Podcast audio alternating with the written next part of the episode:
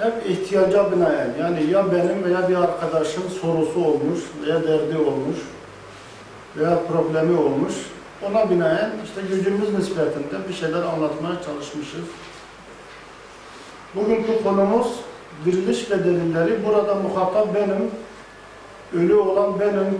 Yani çok sıkıştım, ciddi söylüyorum. Yani bir bahane veya bir laf olsun diye söylemiyorum. Bir hafta önce şöyle baktım, bütün yazdıklarım, bütün bildiklerim zihnimden unutuluyor. Kapkaranlık bir dünya içinde adeta ölüyor gibi oldum. Allah Allah, yani kafirlik bir nevi kafirlik. Her şey sıfır oldu, her şey silindi gibi. Biraz Risale okudum, geçmedi. Biraz Kur'an okudum, geçmedi. Hatta arttı, sıkıntılar arttı böyle. Tefeül ettim. Dedim bakalım yani Allah benden ne istiyor? Niye böyle her şey zihnimden, hafızamdan sildi? Bir nevi öldürdüm gibi manen böyle. Tefeülde şöyle bir ayet çıktı. Bugünkü konumuza uygun bir ayet. Bugünkü konumuz diriliş ve delilleri. İşte sen ayetlerimizi unuttuğun için sen de unutuluyorsun. Ee, Taha suresinin son sayfasının başındaki ayet. Gerçekten de bile bende bir unutkanlık oluşmuş. Hiçbir şey bilmiyor gibi oldum. Ben büyük bir sıkışma, azap çekme aleti içinde kıvranıyorum. O küfri vesveseler, şeytani vesveseler, eski sıkıntılar hep böyle yeniden yaşıyor gibi oldum. Ee, Ben 20 senedir işte hayat içtimaiye hatta 23 senedir hayat içtimaiye karışmışım. Bu 23 sene toplum hayatı içinde en çok iki şeyden sıkıntı çektim. Bir bu kafirlerin, dinsizlerin verdikleri vesveseler, sıkıntılar o beni çok yoruyor. Halen de yoruyor yani. Bu kitapların yazılmasının sebebi de onlardır. Yoksa ben köylü bir insandım yani öyle çok becerikli bir insan değildim. Bir de fakir bir ailenin çocuğuydum işte işi de meslek de edinmedik. Geçim derdi konusunda da çok sıkıştım ben. Çok ilginç o ayetin bir alttaki ayet de diyor rızkı veren biziz diyor sen rızkını düşünme diyor. Aynı sayfanın bir alt ayeti. Orta ayetinde böyle. Yani böyle Allah Allah ben sanki bu Zaten Kur'an'ın mucizeli ancak o şekilde belli oluyor. Yani böyle ekstra bir zamanda ekstra sana yönelik hitaplar yapması Kur'an'ın evrensel bütün asırları, bütün zamanları hatta bütün saniyeleri kuşattığını gösteriyor. Ben onu çok yaşamışım. Bu te tevafuk beni biraz rahatlattı.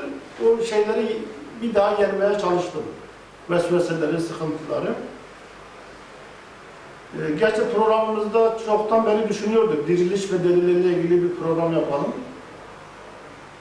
İşte o münasebetle ölüm ve ölümün sebepleri, çareleri, diriliş ve dirilişin delilleri konusunda sizinle bazı kelimeler bazında bir müzakere yapacağız inşallah. Ölüm nedir? Sıkışmadır. Maddi veya manevi. Küçülmedir yok oluştur bir nevi, yani maddi itibariyle. Gerçi Kur'an nazarında, din nazarında, Allah bakışıyla bakarsan, ölüm alem değişikliğidir. Yani bir alemde küçülüyorsun, yok oluyorsun, başka alemde daha geniş bir şekilde var oluyorsun. İşin gerçeği bu. Fakat nefis duvarın arka kısmını görmediği için ön kısımda da yok oluyorsun. Gerçekten yokluk olarak algılanıyor ve nefis ölümden çok korkuyor. Çünkü yokluk en büyük cehennemdir. En büyük cehennem yokluktur. Hatta kafirler Usta Bediüzzaman Asarı'nda bunu ispat etmiş. Yani cehennemde yaşamayı yokluğa tercih ediyorlar. Gerçi bazı hocalar itiraz ediyor işte Nebe suresi, Amme suresinin sonunda kafirler keşke biz toprak olsaydık diyorlar da yok olsaydık demiyorlar. Toprak yine verimli bir şey, bir faydalı bir şey. Cehennemden daha üstündür. Verimlidir. Hayatın kaynağıdır. Bu maddi veya manevi sıkışmanın ölümün çaresi şudur. Yani sebebi sıkışmadır, küçülmedir, düzülmedir, yok olmadır. Çaresi ayette işaret edildiği gibi Allah'ın ayetlerini unutmama. Ayetler birer işaret taşı gibi seni böyle hep sonsuzluğa doğru, varlığa doğru yönlendiriyor, götürüyor bir de. Hem götürüyor hem yönlendiriyor. Yani senin varlığına varlık atıyor sürekli. Sen ayetleri unutmadıkça, ayetlere inandıkça, ayetin Allah'ın belgeleri, mucizeleri, bilgi, sana verdiği önceki bilgiler, yeni bilgiler, eski bilgiler. Sen onların peşine koştukça, yürüdükçe sürekli var oluyorsun. Sürekli varlığına varlık atılıyor ve ölümü birinci roundda yenmiş oluyorsun. İlk round Allah'ın ayetlerine, belgelerine yapışmaktır. Üstad Bediüzzaman 30. sözde şöyle diyor. Her bir ayet Allah'ın gayb aleminden indirdiği bir zembil gibi, bir asansör gibidir. Ona bindikçe, ona yapıştıkça ebedi bir alemde var olmayı hak ediyoruz. Yani ölümü yenmiş oluyoruz.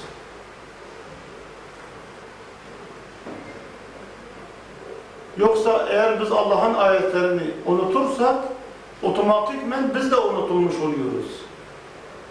Yani kenarda köşede bir böcek gibi, çürümüş bir çöp gibi kal, kalır gideriz. Otomatikmen unutuluyoruz. Bir de derdi maişet konusunda insan dar düşünmeyecek, geçim derdi konusunda. Yani çünkü imtihan gereği olarak Allah rızık imkanlarını sınırlı yaratmış. İsteseydi dağlar kadar e, buğday yaratabilirdi yani. Mümkün. Biyolojik diliyle de baksan mümkün. Hangi açıdan bakarsan mümkün yani. Yani toprak kadar rızkı da, karbonu da, şekeri de arttırabilirdi. Kimse rızıktan dolayı endişe etmezdi. Fakat insanları başka bir aleme yönelik yetiştirdiği için geçim konusunu bir imtihan aracı yapmış. Onun da imkanları dar tutmuş ki bakalım kim imtihanı verecek. Burada da eğer geçimin maddi kısmından ziyade manevi kısmına bakabilsek, yani Üstad Bediüzzaman'ın tabiriyle bir meyveyi gördüğünüz zaman işte meyve geçicidir ama bitince biz daha ne yiyeceğiz değil de meyvenin arkasındaki ağacı görmek, ağacın da arkasındaki nimet veren eli görmek ve o elin, o ağacın sonsuz olduğunu anlamak geçim derdini de size unutturur ve size bir çare, bir kapı açar. Sonsuzluğa bir çıkış sağlar. Yani geçim derdi değil, küçük görmeyin. Bugün herkesin derdidir. Zenginin de, fakirin de, herkes yani yani ya adam kattırılyonu var halen geçim derdi. Acaba dur ben kattırılyonlarımı nasıl muhafaza edeceğim? Onun da başında o dert var. Evet, burada sıkıntı, küçülme, ölüm şey noktasındadır. İşin maddi kısmını görüp manevi ve perde arkasını görmemektir. Yani nimet veren havuzu, nehri görmemektir. Hep elimizdeki meşrabayı düşünürsek ya meşraba sınırlıdır, biter diye korkuyoruz. Ama işte sonsuz bir hazine var. Böyle okyanuslar var, su bitmez diye inanırsak, sonsuzluğu yakalarsak, orada Allah'ın en büyük ayetlerinden bir tanesi de mesela sudur. Hayatta da en çok lazım olan sudur oksijenden sonra. Ve Allah bak çok lazım olduğu için onu bol yaratmış. Oksijeni de bol yaratmış, suyu da bol yaratmış. Aslında su ve oksijen kıymet açısından, temizlik açısından şeyden daha önemli. Ekmekten, şekerden, etten, yağdan ama burada imtihan etmiyor. Çünkü burada imtihan edilse bir sürü insan susuzluktan ve oksijensizlikten ölecek. Burada imtihan edilmiyor. Sorun çok keskin. Ama rızık, öbür, rızkın öbür kısımlarında hani dayanma gücü olduğu için imtihan ediyor. Bakalım kulum ne kadar sabredecek, ne kadar tevekkül edecek, perde arkasını ne kadar görecek. Orada imtihan ediyor. Ölümün bir sebebi küçük düşünmektir, dar düşünmektir, maddi düşünmektir. Ve Kur'an'ın tabiriyle maddi düşünmek körlük olarak ifade edilir.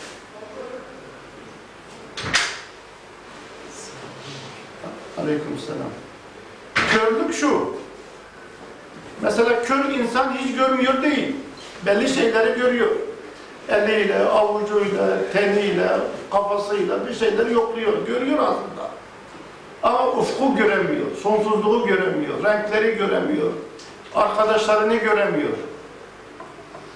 Aynı oranda biz de nispeten görüyoruz. Yani biz de her şeyi görmüyoruz. Yani ahireti gören, metafizik alemi gören, kabrin ötesini gören bir insana göre biz neyiz? Kördür. Ve o bana çıkan sayfanın bir evvelki ayeti de öyle diyor. Ya Rabbi ahirette ben diyor dünyada gözlerim sağlam diyor. Ahirette kör olarak dirilmişim. Niye öyle oldu diyor. Soruyor oradaki şey. Sen diyor ayetlerimi unuttuğun için kör oldun. İşte ayetler sonsuzluğa doğru seni götürüyor. Kabrin ötesine doğru seni götürüyor. Metafizik aleme açılımı sağlıyor. Belgeler, iman, tevekkül, işte mucizeler. Sen bunları unutursan kör gibi kalıyorsun. Ve buradaki temel karakter neyse diriliş de öyle olur. Yani buradaki ruhani karaktere göre diriliş oluyor. Eğer ruhani karakter olarak bir insan körse, maddeden başka bir şey görmüyorsa ahirette o kördür. Veya tersi söyleyelim. Ruhen kalbi açıktır, metafizik aleme inanıyor, Allah'ın ayetlerine inanıyor, sonsuzluğa açılmış bir kapı bulmuş, o ahirette gö gören olarak dirilecek. Yani mesela e, kolu kesilmiş bir insanın çocuğu kolu kesilmiş bir insanın çocuğu sağlam kollu çıkar. Çünkü kol maddi bir yetenektir. Fakat radyasyon yemiş bir insanın çocuğu sakat kollu çıkar. Çünkü radyasyon ruhu bozuyor, genetik yapıyı bozuyor. Öze hitap vuruyor. Şekil yani şekille özü buradan bir ölçü yapabiliriz. Radyasyon yemiş bir bedenin çocukları da radyasyonlu çıkar, sakat çıkar. Çünkü radyasyon genetik yapıya, öze, kalbe, ruha hitap ediyor, bozuyor, bozuyor. Ama kolun maddeten kopuk olması çocuğun sakat olmasını gerektirmiyor. Ve bir insanın hiç gözleri olmadığı halde çocukları gör, görüyor, doluyor. Çünkü bu mad yani burada sadece bir ölçü olsun diye söylüyorum. Asıl olan yazılımdır, manevi yapıdır, ruhani yapıdır. Önemli olan onun kör olmamasıdır. Onun kör olduktan sonra mesela Deccal kördür diyor hadisler. Halbuki bakıyoruz ki tarihteki bütün bu kafir tipler, Firavunlar, Deccallar, Nemrutlar hepsi de sağlıklı, tıpatıp yakışıklı insanlar. Hiçbiri de kör değildir. Yani manen kördür. Zaten Tevrat'ta Samuel kitabının 11. babı Samuel 1 ile ahiret Allah'ın gözü diye hitap edilmiş. Yani bütün bu sistem içinde gerçekleri gören, gerçekleri değerlendiren, gerçekler ona göre var olan bir yapı ancak ahirettir. Ahiretin bir ismi Allah'ın gözüdür. Yani mesela şöyle, Hazreti Davud yanlış bir iş yapmış, diyor Allah'ın gözünde hoş karşılanmadı. Yani ahirette hoş karşılanmadı demek istiyor. Buradaki yanlışlar dünyanın kabrin öte tarafında ahirette hoş karşılanmayınca Allah'ın gözünde hoş karşılanmıyor.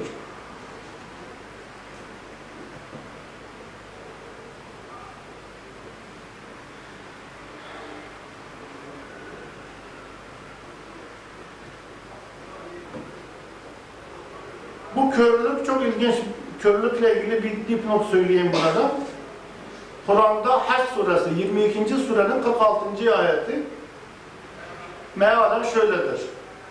İnsanın asıl körlüğü maddi gözlerin körlüğü değildir. Asıl körlük kalp körlüğüdür. Mealen böyle yani. Göğüslerdeki kalbin körlüğüdür. Mealen böyle aşağı yukarı. Çok ilginç. İncil'deki 22. babın ki o 22. bab 46 ayettir. Yani ayet numaraları da 46 tanedir. O da baştan sona kadar yani şöyle bir mesaj veriyor, işte bir dönem gelecek, deccal gelecek, herkes maddeci olacak, herkes kafir olacak, herkes ahireti inkar edecek, manen kör olacak. O dönemde din dahi devlete karışmayacak. Yani çünkü herkes dini dahi dünyevi bir nazarla algılayacak. Yani din deyince işte başını örtmek, mahkemeye gitmek, abdest almak, maddi tem yani halbuki dinin birinci amacı ahiret içindir, kabir hayatı içindir, ahiret hayatı içindir. Dinin dünyaya hitap etmesi dolaylıdır, ikinci plandadır. Eğer bir din ahiretten, kabir hayatından, öte alem için olmaktan çıkmışsa, sadece bu dünyaya bakıyorsa o din de dünyevileşmiştir, din olmaktan çıkmıştır. O da yanıltıcı, deccal olmuştur artık.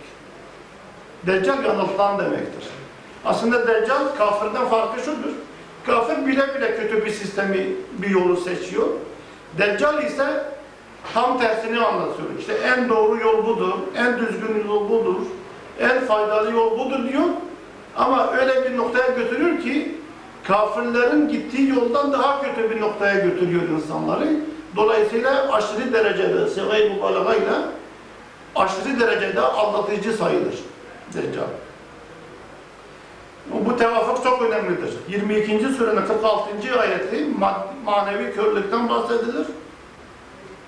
Mesela insanın yapısı da 46 kromozomludur. O kromozomlar ruhu temsil ediyor.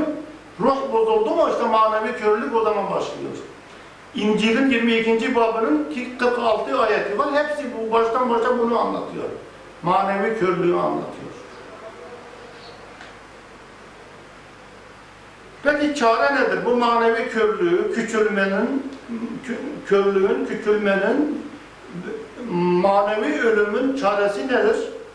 İşte yukarıda bahsettiğim gibi sonsuzluğu yakalamak, sonsuzluğa açılmak, sonsuz ayetleri, mucizeleri ki her bir ayet ve mucize niye mucizedir? Çünkü seni sonsuz bir aleme götürüyor yani.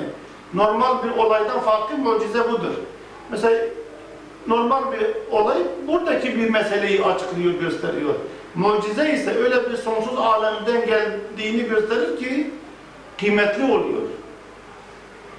Mesela şöyle bir misal vereyim. Elimizde bir ton elmamız var ama arkası yok. Yani hepimiz üzülürüz işte biz bunu bir ayda bitireceğiz ve arkası bitecek, üzülüyoruz. Sonra ne yiyeceğiz, ne içeceğiz diye merak ediyoruz. Hatta üzüntüden hasta bile oluyoruz. Fakat bir haber gelir, hatta bir kağıt gelir. Elma melma da geldiği yok. Padişah bir mektup gönderir.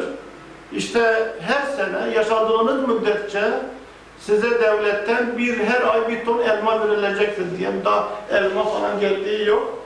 Biz bütün üzüntümüz, bütün sıkıntımız, hastalığımız gider, iyileşiriz. Bir belge gelmiş, sadece bir imza gelmiş. İşte mucizeler öyle bir şeydir. Yani metafizik bir alemden geliyorlar ve sonsuzluğu ifade ediyorlar. Sonsuzluğun ifadesidirler. Dolayısıyla bir mucize gördüğümüz zaman ömür boyu o bizi rahatlatabilir. Ya demek ki sonsuz bir alem varmış. Esbabın hükmetmediği, sebeplerin sustuğu bir alem varmış. Biz orada ebediyen rahat edeceğiz, yaşayacağız diye inanırız.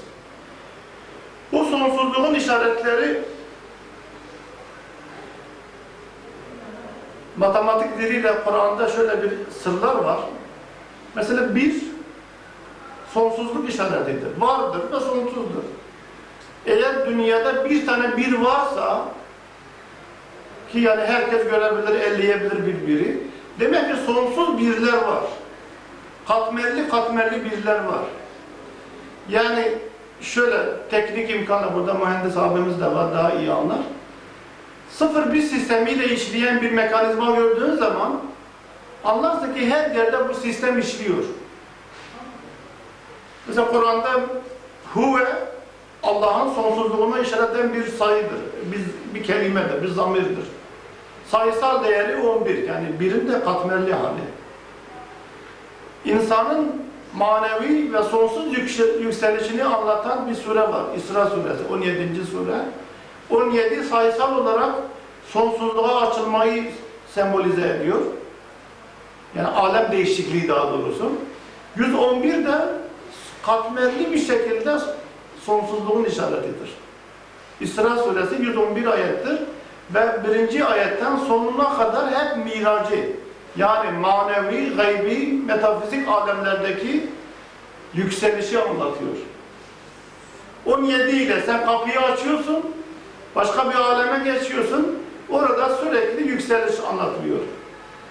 Ve Kur'an'da en Kur'an'da yaklaşık üçte birinden, üçte ikisinden fazla haşır ve dirilişle ilgilidir. Ahiretin ispatıyla ilgilidir. Fakat en flash ayet hiç konusu haşır olmayan bir şeyde geçiyor. Bir surede geçiyor. Tevbe suresi baştan sona kadar savaşlarla ilgili, ganimetlerle ilgili, münafıklarla ilgili hiç münasebeti olmadığı halde 111. ayeti haşırla ilgilidir. Dirilişle ilgilidir. Çünkü insan e, savaşta çok zor duruma düşüyor. En büyük sermayesi olan bedenini, hayatını kaybediyor. Orada asıl sonsuzluk anlaşılıyor yani ebedilik neymiş.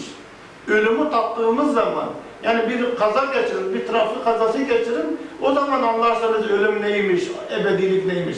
O da nefis tam sıcağı sıcağına hissediyor. İşte Tevbe suresi içinde bütün harbi darplar, helaketler, felaketler içinde Allah diyor bu sıkıntılara karşı müminlere vaat etmiş. Bu geçici bedenlerine mukabil ebedi bir hayatı, cenneti onlara vaat etmiş.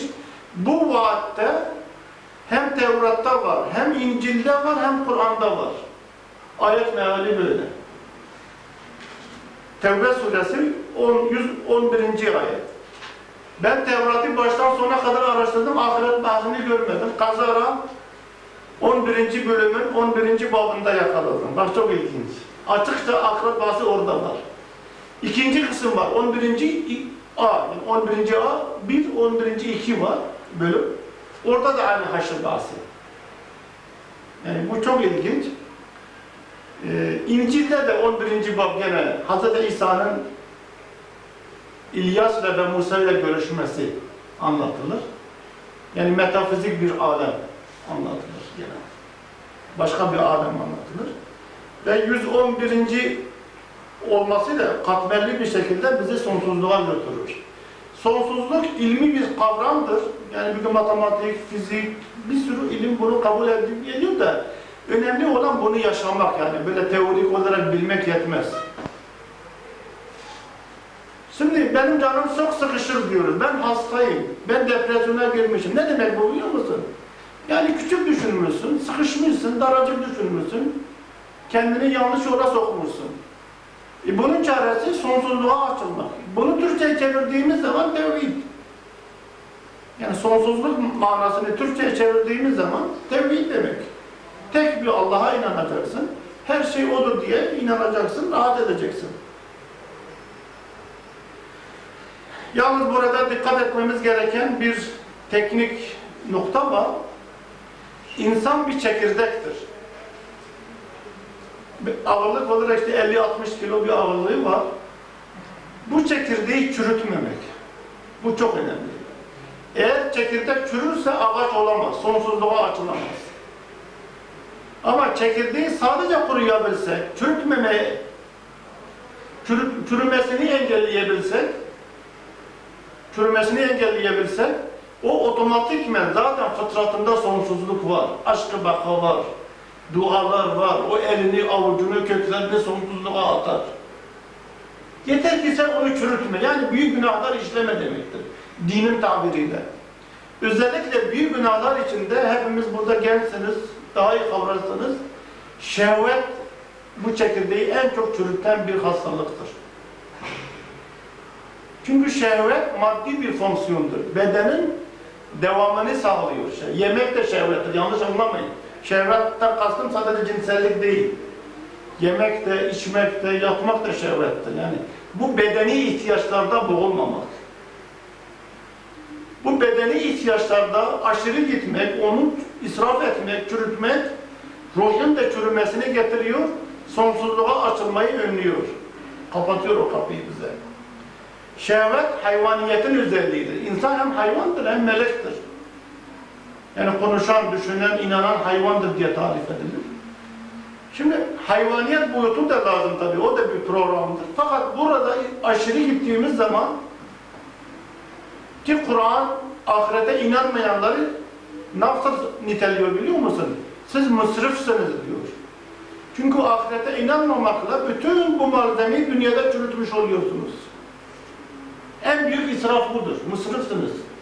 İnnekum kavmun musrifun. Hem Yasin'de geçer, hem Zuhruf'ta geçer, hem 4-5 yerde daha geçiyor. Siz mısrif bir kavimsiniz. Ahirete göre düşünmüyorsunuz. Enerjinizi, kalbinizi, ruhunuzu ahirete göre planlamıyorsunuz. İşte şehvet, özellikle cinsel şehvet, bu hayvaniyeti çürütür, o çekirdeği çürütür, melek olmayı önlüyor. Halbuki ahirete geçmek için melekleşmek lazım. Çünkü ahiret ruhların alemi, meleklerin alemi. Yani oradaki literatür buradaki literatür gibi değil. Böyle etli, danalı gibi şekilde gidemeyiz. Orada biraz ruhanileşme lazım. Yani dedik ya sonsuzluk alemidir. Ruhanileşme alemidir.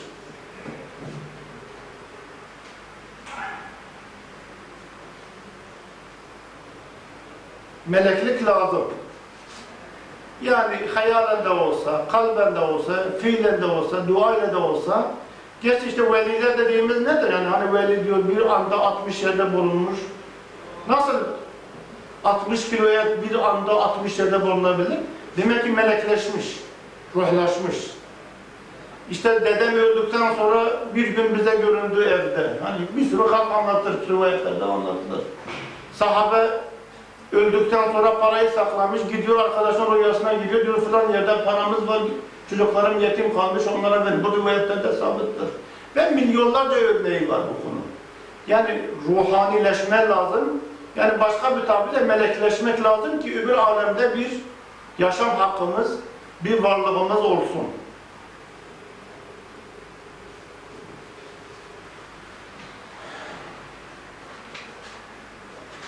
Dirilişin delillerine geçmeden önce bir daha başa döneceğim. Bu manevi ölümün çareleri diye bir başlık yazmışız buraya.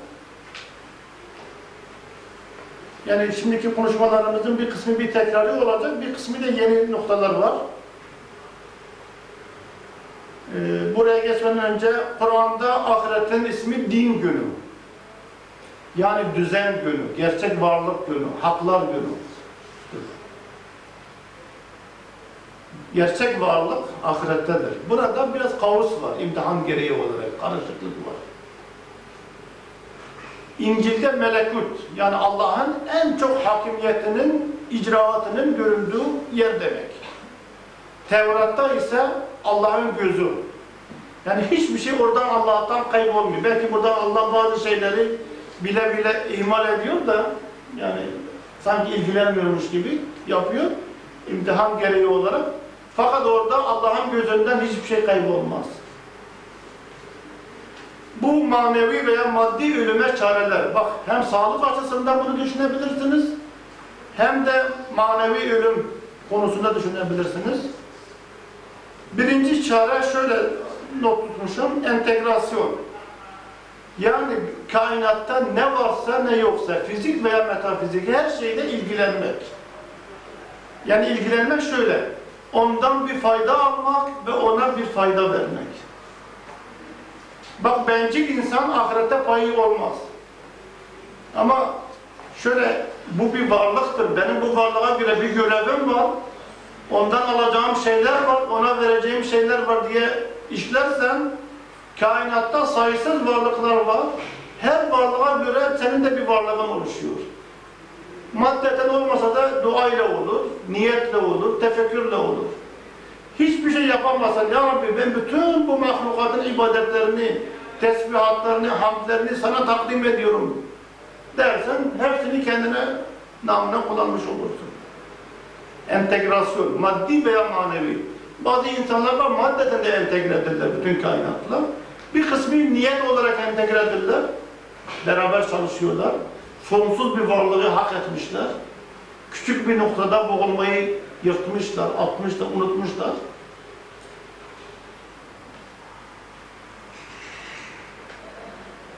Bir kısmı da işte dediğim gibi namaz kılarken niyet itibariyle, dua itibariyle öyle o entegrasyonu sağlamışlar. İşte İslam'daki zikirlerin faydası budur. Zikir seni bir nevi her şeyle alakalandırıyor. Entegre ediyor, ilişkiye getiriyor. İkinci bir nokta ruhanileşme. Yani ruhanileşme yani biz işte etiz, kemikiz, nasıl ruhlaşacağız diye sorarsanız e, kainatta şöyle bir kanun var. Bir yerde mesela pozitif elektrik artarsa negatif elektrik azalır demektir. Bir yerde zenginlik çoğalırsa fakirlik azalır demektir. Veya tersi de söyleyebiliriz. Yani bedeni lezzetlerden, bedeni yaşamdan biraz feragat etsek, o mutasavvıfların tabiriyle biraz sabır göstersek, çile çeksek, kalbe, ruha ağırlık versek, yavaş yavaş biz de ruhaniyetiz. Hiç olmasa rüyalarda ruhanileşiriz. Rüyalarımızda bile bir sonsuzluğa açılma olur. Bir başka aleme bir nüfuz olur. Bir güzel kavramları görme olur. Güzel şeyleri yaşama olur. Ama mesela ben kafirlere soruyorum. Çok az kişi biz rüya görüyoruz diyorlar. Hatta gördükleri rüya da karma karışık, anlamsız. Böyle namazına, ibadetine dikkat eden, sabır gösteren, musibetlere, çile, çi- çilelere dayanan insanların hep rüyaları böyle sonsuzluk kokan, sonsuzluk ifade eden kavramlarla, sembollerle dolu oluyor. Yani avamdır daha veli olmuş değil ama rüyasında bile o velayeti yakalamış en azından. Ki veliler açıkça uyanıkken görüyorlar. Yani senin karakterin yılansa seni yılan olarak görüyor. Ayı ise ayı olarak görüyor. Öyle insanlar var. Risale'nin da bahsi var mektubatta. Yani burada işte dinin yani az yemek, az uyumak, şehvette biraz az şehvete yönelmek, bedeni, dünyayı esas almamak, sonsuzluğa doğru, Allah'a doğru, ahirete doğru yönelmek ve bunun da fiyatı olarak işte budur. Çile ve musibetlere sabretmek. Daha önce de biz burada sohbette konuştuk. Musibet şudur. Bu evrim sürecinde, biyolojide biz bunu görüyoruz. Şimdi hayatın belli bir direnci var, biyolojik hayatın. Bir musibet gelir, o direnci kırar. Buna karşı hayat biraz daha direncini artırıyor. Biraz eski, mesela eskisinde 10 kilo direnci varsa bu sefer 15 kiloya çıktı direnç. Başka bir musibet gelir, bir daha kırar o direnci, bu sefer 25 kiloya çıkıyor direnç. Di- Hayat karşı koyuyor. Bir darbe daha geliyor, belki daha ağır bir darbe. Bu sefer 50 kiloya gidiyor direnç. Yani gelen musibetler, çileler insanın hayatını yok etmek için değil. Hayatın direncini ebedileştirmek içindir. Musibetlerin esprisi ahirete yöneliktir. Yani mesela şöyle, bir adam kanser oluyor, dünyası bitiyor. Ama belki 100 kişi ben tespit etmişim çevremde, kanserli insanları şehit olarak görüyorlar. Yani o ölüme bile bile hazırlık, ölüme gidişi bilmek, sonsuzluğu orada yakalıyor, direnci artıyor, manevi direnci artıyor. Ve bir kısmı sarhoş oldukları halde şehit olarak görünüyorlar. Ahirette. Cumali abinin bir kayınpederi vardı. Çekmediği hastalık kalmadı. Yani çok güzel bir ölümle gitti. imanlı gitti. Yani gördüğümüz kadarıyla. Ve sabır içinde yaşadı. Şükür ediyordu hastalığına. Yani çünkü diyor eğer bu hastalıklar olmasaydı ebedi bir hayatım kaybolurdu diyordu. Farkındaydı da. Yani avamdı yani. Okumuş yazmış da değildi. Yani biz hocalar olan bazen bir avam kadar becerikli olamıyoruz bu konuda. Yani o ayrı bir imtihan konusu. İmtihanın da yani o bak, bak kimse bahane uydurmasın. Ya ben hoca değilim, lider değilim, ilmim yok işte ben imtihanımı veremiyorum. Tam tersi. Hocaların imtihanı daha zordur. Kayıp olma riskleri daha fazladır. Çünkü hassasiyet artmış, dengeler daha çok işliyor orada. Evet, üçüncü notumuz da şudur. Bu ölüme çareler içinde. Birincisi entegrasyon. Yani her şey, her varlığa karşı bir vazifemiz var. O vazifenin gereğini yapmak, kainatla bütünleşmek. İkincisi maddi bedeni lezzetleri kısmak, kalbi ve ruhani yönümüzü geliştirmek, ruhanileşmek. Üçüncüsü değişikliğe müsait olmak. değişikliğe bu ilmi sahada da geçerli, bedeni sahada da geçerli.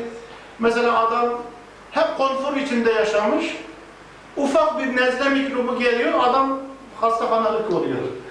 E ben zaten hep Bodrum'da yaşamışım, hiç e, mikrop geliyor, hiç umurumda bile değil, öbür gariban diyor. Yani. Şeye alışık yani, değişikliğe, adaptasyona müsait. Fikri konuda öyle hocalar, öyle insanlar var ki 40 bin tane mucize göstersen bir şeyi kafasında değiştiremiyorsun. O adam yapışmış zamana. Haletine, durumuna yapışmış.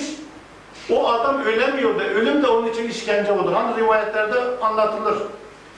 İşte bir külü yünü dikenler içinden çekme kadar zordur can çekişmesi. Bu herkes için değil. Müminlerin canı ise diyor yağdan kıl çeker gibidir. Çünkü mümin sonsuzluğu yakalamış, sonsuzluğu biliyor, her gün yeni bir haldedir. Ayetin ifadeleri de Allah için geçer ama biz de Allah'ın ahlakıyla ahlaklanabiliriz. Allah her gün yeni bir niteliktedir diyor. Hiç duraganlık, sabitlik yok. Biz de biraz öyle olmalıyız. Yani hep ileri ama hep değişiklik. İki günü eşit olan bizden değildir diyor Hazreti Peygamber. Hep yenilik, hep ilerleme, hep yenilik. Ve bunun da işte hayatımızda ya diyor adam hayatında sekiz kere ev değiştirmiş. Ne olmuş? Daha güzel olmuş.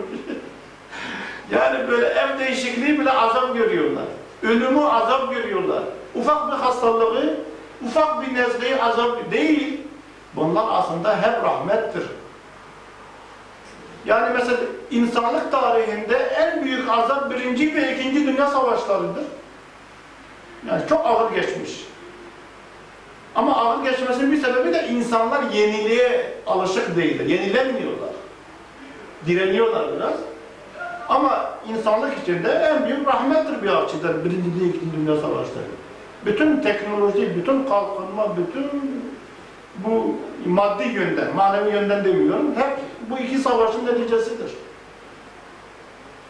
Yani yenilik güzeldir, ölüm güzeldir. Onun için büyük veliler ölümü istemişler. Onlarda ölüm alem değişikliğidir. Zaten biz her gün ölüyoruz sürekli. Her saat içinde ölüyoruz. Her gün yeni bir yaratılış içindeyiz. Bedenimiz fabrika gibi sürekli yenileniyor. Yani bu değişiklik, ilmi sahada özellikle. Adama 40 saat bir şey anlatıyorsun kafasına girmiyor ya.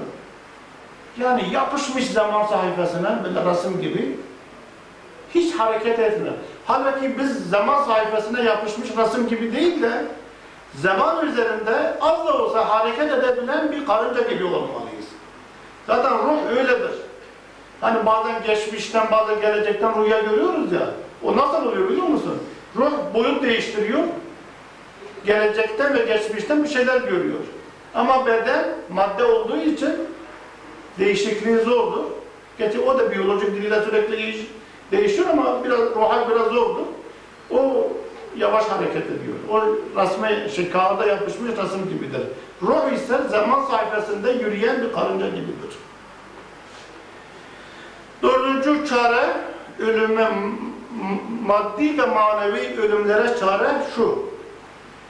Allah'ı her yerde görme, her şeyde onu görme, her şeyi Allah'ın bir eli kolu gibi görme ve bu birliği yaşama. İşte tasavvuf diliyle baka billah diye geçer bu. Yani Allah'la var olma ve dolayısıyla ölümü ölümü literatürden, kitabından silmek. Eğer sen her yerde Allah'ı görüyorsan, her şeyi Allah'ın eli kolu gibi görüyorsan, öpebiliyorsan, ona yapışıyorsan, sen zaten kendini devre dışı bırakmışsın, dosyanı silmişsin, hep onunla varsın ve o ebedi ezeli olduğu için sen de ebedi ezeli oluyorsun. Ölüm diye bir sorun kalmıyor. Baka billah yani Allah da baki olma. Ama tabi bunun da fiyatı kolay değil.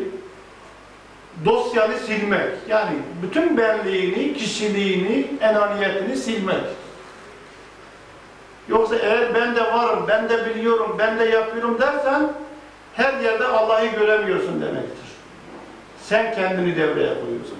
Öyle bir noktada olacaksın ki her şeyi güzel göreceksin, her şeyi anlamlı göreceksin, her şeyi faydalı göreceksin. Kanser oluyor, bak şehit oldu, ebedi bir hayatı hak etti diye görebileceksin daha doğrusu.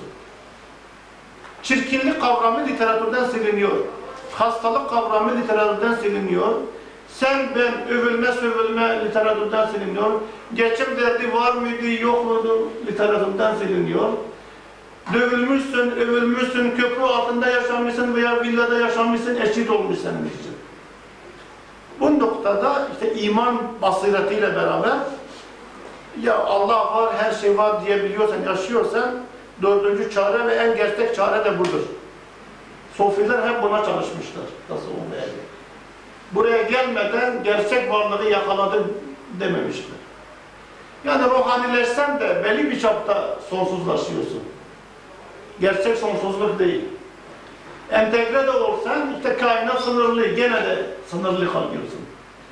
Ama baka billaha geldin mi orada gerçek sonsuzluk bit yani. Son noktayı koy- koyuyorsun. İncil'de de 25. bab bu ahiretle ilgili baştan sona kadar 75 ayetti galiba. Fakat bu Hz. İsa'nın İncil'ine geçmeden önce bizim İncil'imiz olan Salih Nur'dan bir iki not söyleyelim. Üstad ilk yazdığı Risale, yani çünkü her an ölümle yüz yüzeydi Üstad, her an öldürülebilirdi. İnsanların imanını Kur'an'la kurtarayım diye alel acele bir Risale yazmış. Bir tanesi 10. sözdür, bir tanesi 25. sözdür. 10. söze sonra döneceğiz. Önce 25. söz. 25. söz Kur'an'ın mucizeliği içinde sonsuzluğa, ölümsüzlüğe bir kapı açıyor. Mucizeyi gösteriyor çünkü. Baştan sona kadar mucizedir o. 25. lema hastalıklar içinde ahireti gösteriyor. Yani çok önemli. O da aynı numaraları taşıması. 25. mektup yazacakmış. Sonra vakti müsait olmamış. Belki ileride bu dirilmeyle ilgili, dirilişle ilgili bilim bazı şeyler bulur veya bazı imkanlar artar diye ileriye bırakmış, yazmamış. Ben bir şeyler yazdım. Yasin'le ilgilidir. 25. mektup Yasin'le ilgilidir. Orada bir Yasin suresinin tefsiri var. Okursunuz, beğenir, beğenmezseniz siz bilirsiniz. Fakat Yasin suresi baştan sona kadar dirilişi anlatıyor. Ebediyeti anlatıyor, sonsuzluğu anlatıyor. 83 ayettir Yasin suresi. Normal bir insanın ömrü de 83 senedir. Hani Kadir gecesinde 83 senedir. Kadir gecesi şudur, metafizik aleme açılan bir gecedir. Sonsuzluğun işaretidir, ifadesidir. Kadir gecesi bir gece olmasına rağmen diyor, bin aydan daha önemlidir diyor Kadir gecesi. Bin ay kaç ediyor? 83 sene ediyor. Yani Yasin'in 83 ayet olmasıyla tezadüf değil.